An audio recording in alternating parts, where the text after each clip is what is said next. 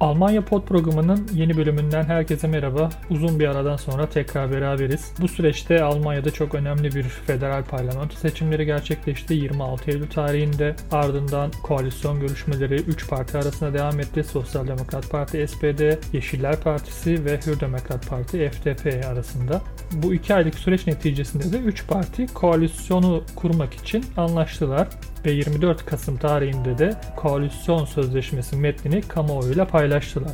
Bu bölümde sizlere hem bu sözleşme ile ilgili detayları, önümüzdeki Almanya'nın önümüzdeki 4 yılında uygulanacak politikaları anlatan bu sözleşmeyi sizlere anlatmak istiyorum. Bunun yanında da hükümeti oluşturan kabinenin üyeleriyle ilgili sizlere bilgi vermek istiyorum. Bildiğiniz üzere Merkel sonrası yeni bir dönemin başlamış olması ve ilk defa üçlü bir koalisyonla farklı ideolojik partilerin ülke yönetecek olması Almanya'yı bir dikkat çekici ülke haline getirmişti. Yeni hükümetin önünde çözülmesi gereken birçok kronik sorun var ve korona pandemisi gibi oldukça zorlayıcı güncel gelişmeler, güncel sorunlar var.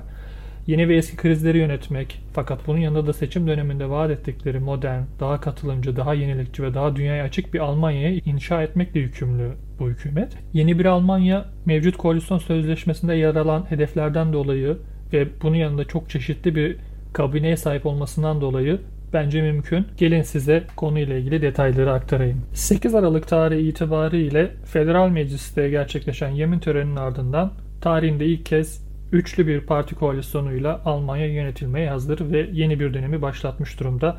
Kabinede yer alacak milletvekilleri de geçtiğimiz günlerde duyuruldu. Oldukça ilginç isimler var. Özellikle yeni kabinenin toplumun geniş kesimleri tarafından beğeniyle karşılandığını ve ilginç isimleri barındırdığını söyleyebiliriz. Bunun yanında tabii bu 4 yıllık süreçte Almanya'nın politikalarının belirlendiği bir koalisyon sözleşmesi yayınlandı. 177 sayfadan oluşan oldukça detaylı, her ne kadar böyle yüzeysel konular geçilse de oldukça detaylı başlıkların yer aldığı ve çok geniş yelpazede konuların ele alındığı bir sözleşme olmuş. Yaklaşık 2 ay süren bu süreçte çok değerli çalışmalar ortaya çıkmış diye söyleyebiliriz. Kurulacak yeni hükümetin yol haritası niteliği taşıyan 177 sayfalık koalisyon sözleşmesi ilerleme için daha fazla cesaret, özgürlük, adalet ve sürdürülebilirlik için ittifak başlığını taşıyor. En temel amacının Almanya'yı modernleştirmek olduğunu iddia eden koalisyon partileri iklim, çevre, dijitalleşme ve ekonomi politikalarında önemli değişimler planlıyorlar.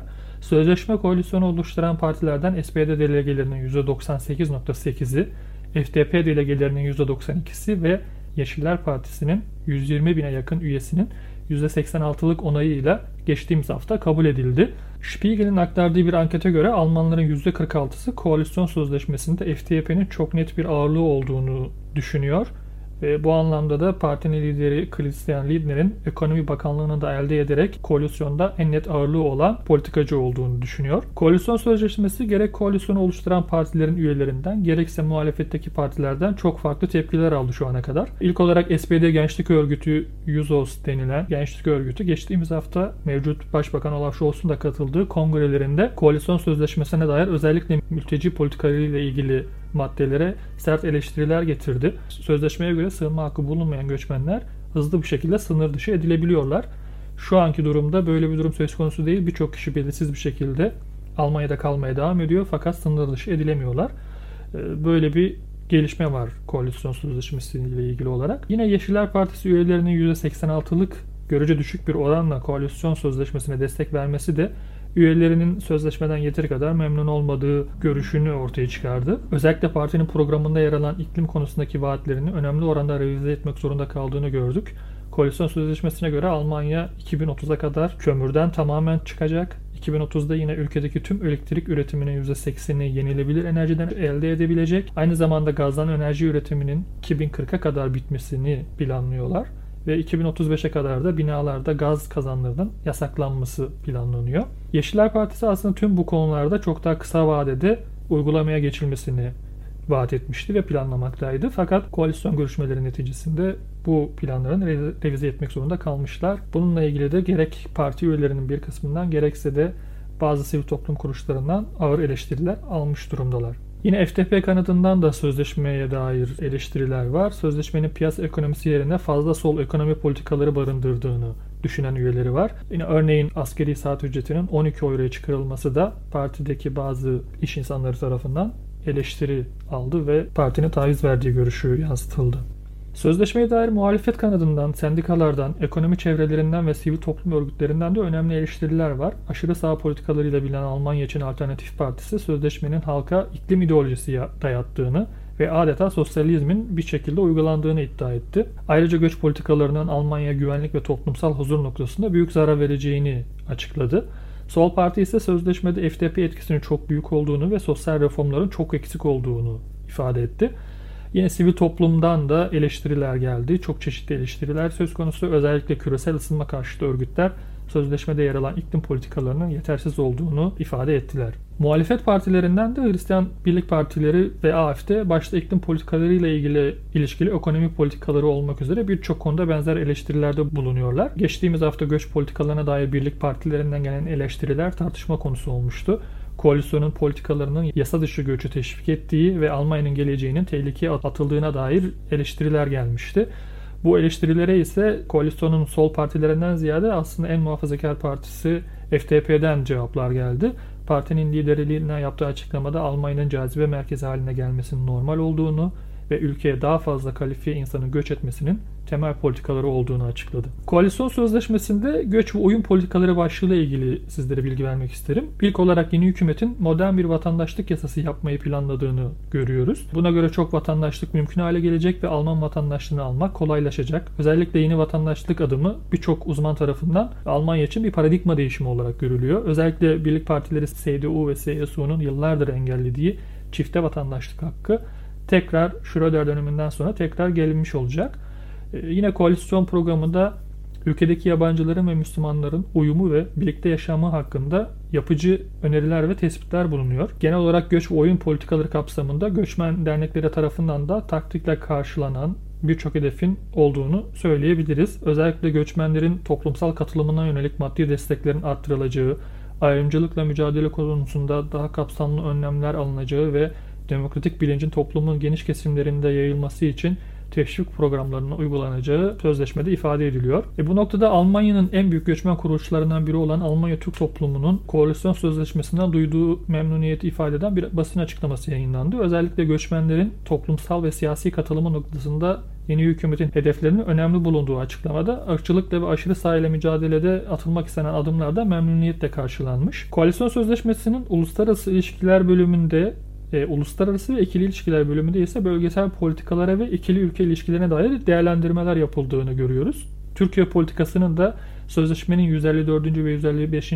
sayfalarında bir paragrafla kısa da olsa değinildiğini görüyoruz. Türkiye'nin önemli bir komşu ülke olduğu vurgulanıyor ve Almanya'da yaşayan Türkiye kökenli insanların buranın doğal bir parçası olarak görüldüğü ifade ediliyor.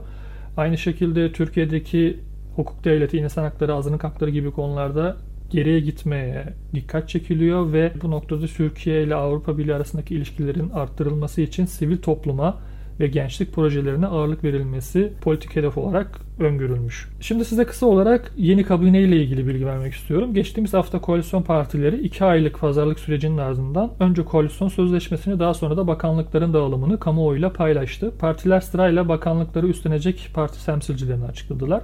8 Aralık günü itibariyle de yeni kabine oluşmuş oldu. Olaf Scholz yönetiminde kurulan kabinede 9 erkek ve 8 kadın bakan yer alıyor.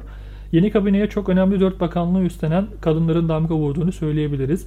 Ayrıca yeni kabinede Almanya tarihinde ilk defa kadın Dışişleri Bakanı ve kadın İçişleri Bakanı yer alacak. Bazı önemli bakanlıklara dair kısaca bilgi vermek isterim. Dışişleri Bakanlığı'nı Yeşiller Partisi'nin eş başkanı ve son seçimde başbakan adayı olan Baerbock üstlenmiş durumda.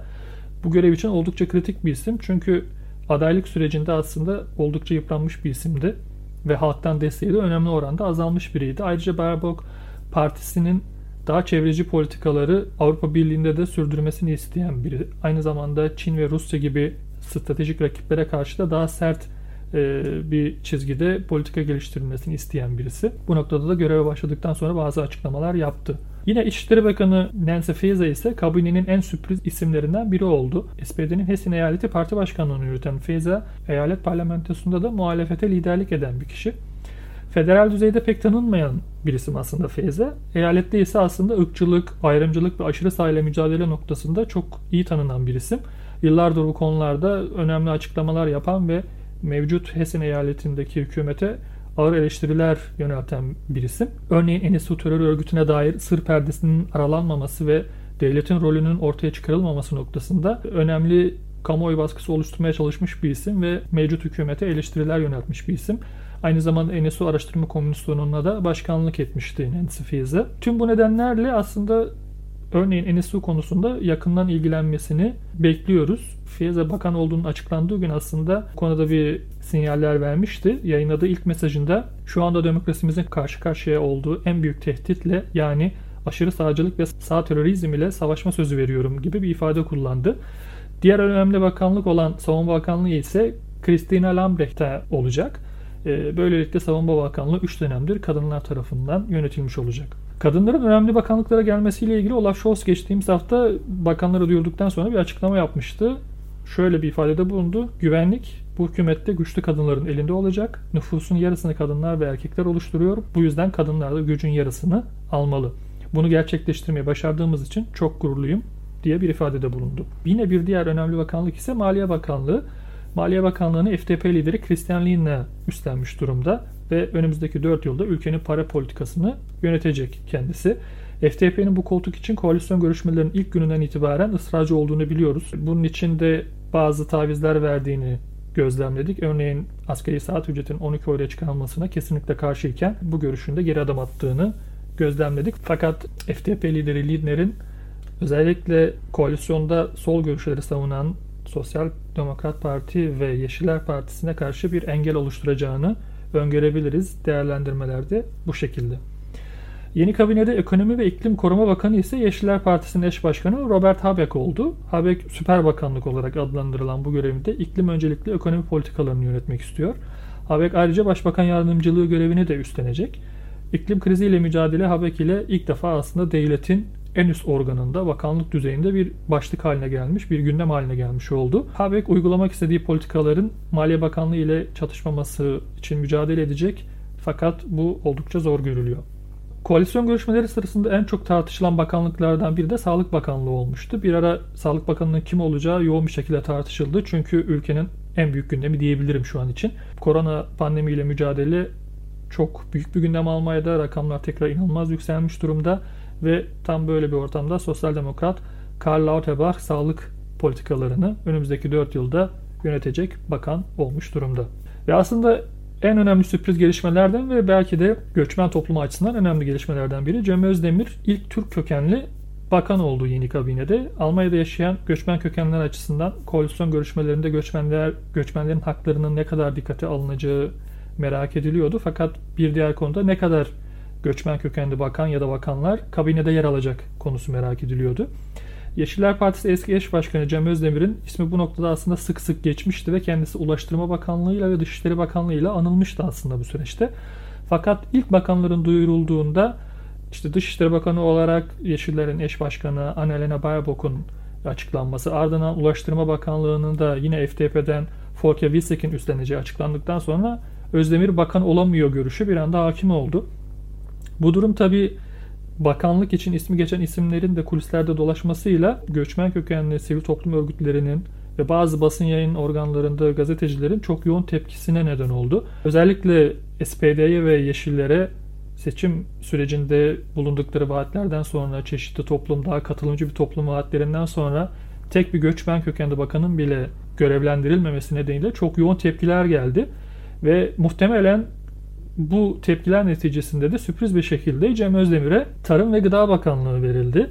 Son dakika gelişmesiydi ve önemli bir gündem oldu. Aslında Yeşiller içerisinde de önemli tartışmaların doğduğunu öğrenmiş olduk. Skandal olarak manşetlere taşınan Yeşiller'de gelişmeler yaşandı bu süreçte. Cem Özdemir'in bakan olmasına karşı çıkan sol kanadın Yeşiller içerisinde çok büyük itiraz ettiği ve karardan parti yönetimini döndürmek için çok çaba sarf ettiğini öğrenmiş olduk. Sonuç olarak yeni kabinenin gerek kadın erkek eşitliği gerekse toplumsal çeşitlilik açısından pozitif bir sinyal verdiğini söyleyebiliriz. Göçmen kökenlilerin yeni kabinede temsili artmış görülüyor. SPD'den Cansel Kızıltepe Federal Yapı Bakanlığı'nda, Mahmut Özdemir ise İçişleri Bakanlığı'nda parlamenter müsteşar oldular. Yeşillerden de Cem Özdemir bakan oldu ve Ekin Delögez de Federal Aile Bakanlığı'nda parlamenter müsteşarı oldu. Son olarak yine eski göç ve oyun müsteşarı Aydan Özavuz'un Federal Parlamento'da Meclis Başkan Yardımcılığını üstlenecek olması da yine toplumsal çeşitliliğin yansıması açısından önemli bir kazanım oldu diyebiliriz. Yeni kabineye dair genel olarak halkın da desteği aslında dikkat çekici. E, oldukça yüksek bir destek var. Koalisyondan memnun olmayanların oranı veya yeteri kadar memnun olmayanların oranı %30'un altında görülüyor. Evet hem Almanya'yı 4 yıl yönetecek koalisyonun politikalarının yer aldığı koalisyon sözleşmesinin detaylarını aktardık hem de yeni kabineye dair önemli noktaları sizlere aktarmış olduk. Dinleyen herkese çok teşekkür ederim. Yeni bölümde görüşmek dileğiyle. Hoşçakalın.